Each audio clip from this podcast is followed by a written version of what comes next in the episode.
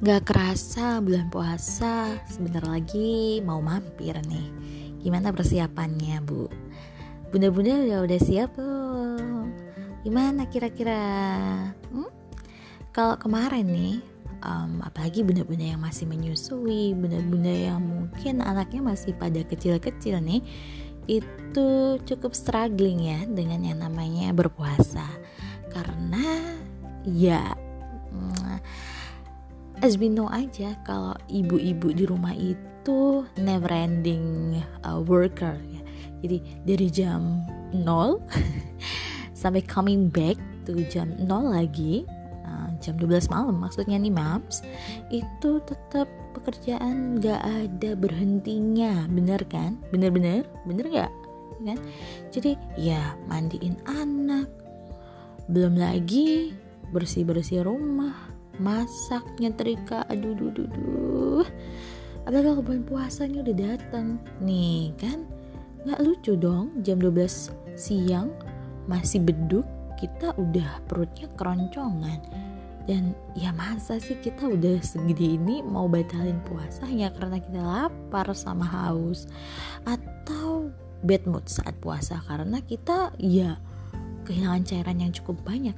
Nah, kali ini Mams nggak salah episode karena di episode kali ini kita nih akan berbagi tentang 7 tips menunda lapar dan dahaga saat berpuasa dengan tips yang sederhana dan tentunya mudah untuk diaplikasikan Mams. Yuk, kita simak ya.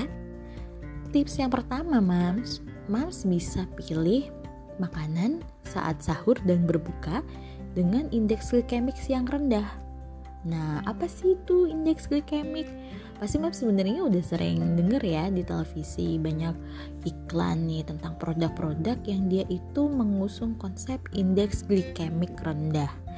Nah, jadi indeks glikemik itu sebenarnya adalah pengaruhnya makanan ke dalam kadar gula darah tubuh kita gitu loh, Mams. Setiap kita makan, makan makanan yang mengandung karbohidrat tentunya, itu biasanya akan menaikkan kadar gula darah kita ke dalam level tertentu. Nah, dalam level tertentu ini akhirnya inilah yang mengklasifikasikan suatu makanan itu apakah dia kalau kita makan langsung menaikkan gula darah kita dengan cepat. Atau yang biasa kita kenal dengan indeks glikemik tinggi. Atau kalau kita makan ya naik sih pasti kan kadar gula darah kita pasti naik. Tapi naiknya itu nggak setinggi yang satunya dan dia tetap stabil. Atau makanan dengan indeks glikemik yang rendah kita sebutnya. Nah kalau kita makan makanan yang memiliki indeks glikemik rendah otomatis gula darah itu akan naik mams. Tapi naiknya itu nggak tinggi-tinggi banget nggak kayak makanan yang dia indeks glikemiknya tinggi sesuai dengan namanya. Tapi meskipun dia rendah dia itu penurunannya stabil karena kan gula darah nggak selamanya tinggi habis kita makan. Dia akan menuju ke landai. Nah inilah karena dia itu nggak menyebabkan fluktuasi yang sangat signifikan di dalam gula darah dan dia cenderung landai berarti dia itu bisa memberikan rasa kenyang di dalam tubuh kita. Karena sebenarnya salah satu mekanisme rasa kenyang itu uh, bisa diakibatkan dari kadar gula darah kita. Kalau kadar gula darah kita itu terlalu rendah itu kita biasanya tubuh bisa merespon dengan ayo dong makan. Kadar gula darah kamu terlalu rendah nih gitu. Nah apa aja sih makanan dengan indeks glikemik rendah ini?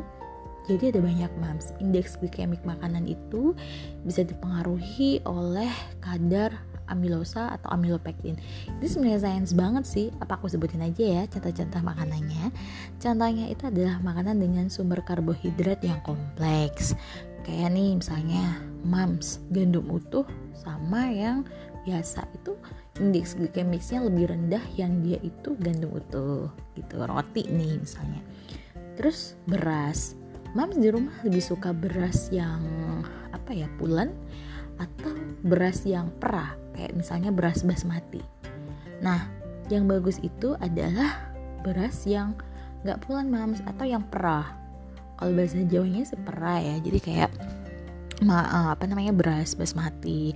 Itu dia memiliki uh, efek indeks glikemik yang rendah. Kemudian um, nasi merah. Itu lebih bagus daripada nasi putih. Nah mams kalau mau laparnya lebih lama datangnya alias habis sahur tuh kayaknya nggak ngerasa lapar-lapar. Nah itu bagusnya moms coba deh konsumsi makanan-makanan dengan indeks glikemik yang rendah. Tips kedua harus stay hydrated atau menjaga hidrasi tubuh. Hidrasi itu berarti kita cukup cairan. Jadi gini kita itu memerlukan cairan minimal kita harus konsumsi air putih 8 gelas sehari atau sekitar 2 liter mams untuk menjaga hidrasi kita gitu. Nah, kalau mams mengurangi uh, apa namanya?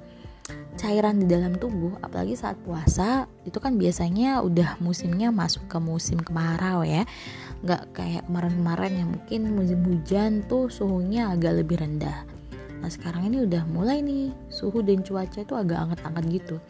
Nah karena kita itu anget itu biasanya cenderung berkeringat ya kan? Dan yang namanya ibu-ibu tuh suka berkeringat gak sih di rumah? Karena harus ngapel nyapu. Nah berkeringat itu berarti dia mengeluarkan cairan yang ada dalam tubuh kita. Sehingga kalau cairan yang keluar itu uh, lebih besar daripada cairan yang masuk itu bisa menyebabkan dehidrasi Tandanya apa? Mams kalau pipis urinnya atau pipi, warna pipisnya itu sangat gelap ya uh, ke arah kuning kecoklatan itu bisa tandanya mams dehidrasi. Dan dehidrasi itu efeknya ke mood mams. Jadi mams nanti marah-marah ke anak marah-marah ke suami saat puasa. Jadi it's a big no dehidrasi selama bulan puasa. Makanya mams harus konsumsi cairan yang cukup. Caranya gimana kok 8 apa 8 gelas tuh nggak nggak sedikit loh. Nanti kalau aku makan atau maaf minum 8 gelas terus aku makanya gimana? Lambung aku kan nggak cukup dong menampung 8 gelas dalam jangka waktu tertentu dari buka puasa sampai sahur. Oh tenang mams. Kita ada rumus yang bisa membantu mams mengingat-ingat. Nama rumusnya itu 242 ingat ya mams? 242 atau 242 jadi dua gelas itu saat azan maghrib. Ya, satu gelas pertama setelah azan maghrib. Kemudian mams sholat. Nah, setelah sholat, mams minum lagi satu gelas. Jadi udah dua. Empatnya itu ketika mams makan, makan besar nih. Jadi kalau maghrib kan biasanya makan takjil. Saat mams sudah mulai makan besar, saya sehabis sholat raweh, mams minum tuh sebelumnya. Kemudian setelah makan, minum lagi. Kemudian pas jam 9 Mams lagi snacking atau makan camilan, Mams minum lagi. Terus sebelum tidur, nah minum lagi. Jadi total ada 4 gelas saat Isya sampai tidur. Dua sisanya ketika Mams bangun sahur, Mams minum satu. Kemudian setelah Mams sahur, Mams minum lagi satu gelas. Jadi dua gelas saat sahur. Nah, dengan kita mengingat rumus itu, Mams tentunya pasti akan ingat nih kalau Mams sudah minum 8 gelas air atau belum, ya. Tips ketiga. Nah, supaya cairannya juga bisa bertambah. Kadang kita kan lupa mungkin ya. Yang namanya mama-mama itu kan banyak yang dipikirin.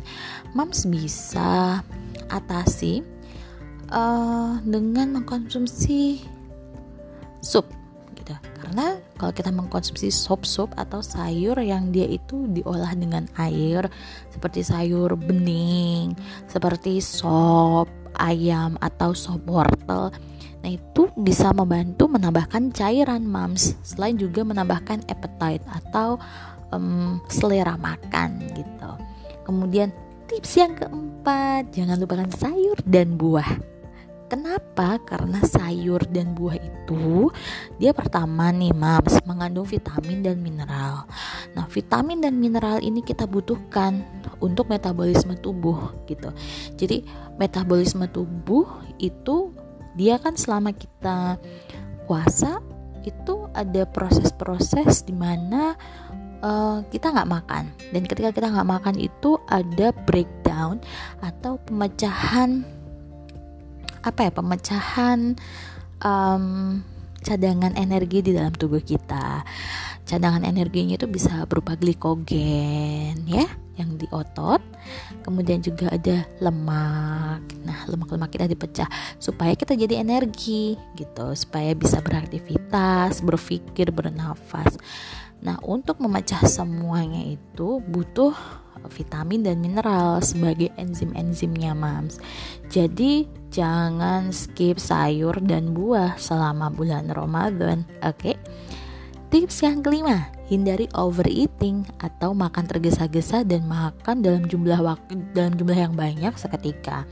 Kenapa? Karena gini loh, Mams, ketika kita overeating itu lambung kita tuh begah sekali gitu makanannya terlalu banyak padahal tadinya istirahat akhirnya pencernaan itu nggak berjalan dengan bagus akhirnya kita begah kita mual terus jadi males-malesan ya kan? Akhirnya kita biasa tertidur nah padahal kan di antara buka dan sahur itu kita masih bisa snacking atau bisa nyemil, bisa mengkonsumsi air putih, ya kan? Tapi kalau perut kita udah begah, kayak udah takut gitu kita mati kelaparan besoknya padahal ya nggak juga karena kita punya cadangan makanan. Akhirnya kita nggak nggak nggak nafsu makan dan akhirnya ya begitulah kekurangan asupan deh sehingga lemes besok harinya tips yang keenam kurangi makanan berlemak. Contohnya goreng-gorengan. Contoh lagi sayur lodeh. Pokoknya yang bersantan-santan kental gitu. Kenapa? Ya sebenarnya boleh-boleh aja sih mams. Tapi kalau lemaknya itu kebanyakan, jadi bisa mengganggu sistem pencernaan kita karena lemak itu dia memiliki sifat um, bisa memperlambat kerja dari usus dan lambung. Jadi kalau kita makan sesuatu yang berlemak, usus itu sama lambung itu agak berat mencerna lemak itu sehingga yang harusnya makanannya itu udah lewat, nggak lewat-lewat, mams. Akhirnya apa? Akhirnya perutnya begah, nggak nyaman kita. Sampai mungkin kita bisa mual, pengen muntah, kemudian nyari ulu hati. Nah, itu adalah akibat kita um, mengkonsumsi makanan yang berlemak terlalu banyak saat kita berbuka puasa atau sayur. Dan gak enak banget kan kalau itu misalnya kita sahur dengan makanan yang seperti itu dan kita merasakan efeknya ketika kita sedang berpuasa.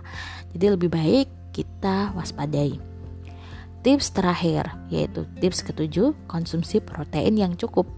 Jadi protein itu berbeda dengan zat gizi lainnya seperti karbohidrat dan seperti lemak. Protein itu dia bisa memberikan efek lap, uh, efek kenyang yang cukup lama gitu. Nah, protein ini juga kita butuhkan untuk menutrisi kembali uh, apa namanya? Uh, tubuh kita karena dia fungsinya adalah sebagai zat pembangun. Jadi memang pada umumnya ada penurunan berat badan nih orang-orang yang berpuasa dan itu adalah sesuatu yang bagus karena pada masa pandemi ini kita kan uh, kebanyakan nggak banyak gerak ya. Nah otomatis mungkin berat badannya banyak yang meningkat. Nah, dengan kita berpuasa itu penelitian-penelitian menyebutkan bahwa adanya penurunan berat badan. Tapi jangan sampai penurunan berat badan itu karena masa ototnya berkurang gitu. Nah, makanya untuk mempertahankan masa otot di dalam tubuh kita supaya kita itu tetap bugar, tetap kuat melakukan sesuatu sampai nanti kita tua, mams, maka uh, konsumsi protein ini harus diperhatikan. Biasanya sih 20% ya, Mams, dari 15 sampai 20% dari kebutuhan kita sehari-hari. Nah, uh, 20%-nya itu bisa dicukupi dari protein hewani dan protein nabati. Sumber protein hewani misalnya telur, daging. Kemudian sumber protein nabati misalnya tahu, tempe, kacang-kacangan. Nah, itu bagus banget kalau dikonsumsi. Nah, gimana nih tipsnya? Udah tuh, udah dirangkum? Mudah kan tipsnya? Oke deh mam, semoga tips dari Atlet Tamam berguna ya buat mam semua yang ada di rumah. Dan saya Lini Anis Fatu Solihah, ahli gizi Tamam, mengucapkan selamat menunaikan ibadah puasa. Mohon maaf lahir dan batin. Semoga puasa kita nanti um, bisa nyaman, kemudian kita juga bisa sehat dan yang gak kalah penting adalah ibadah kita diterima oleh Allah Subhanahu wa taala. Aku pamit undur diri dulu ya, Mams. Sampai ketemu di episode-episode selanjutnya. Assalamualaikum warahmatullahi wabarakatuh.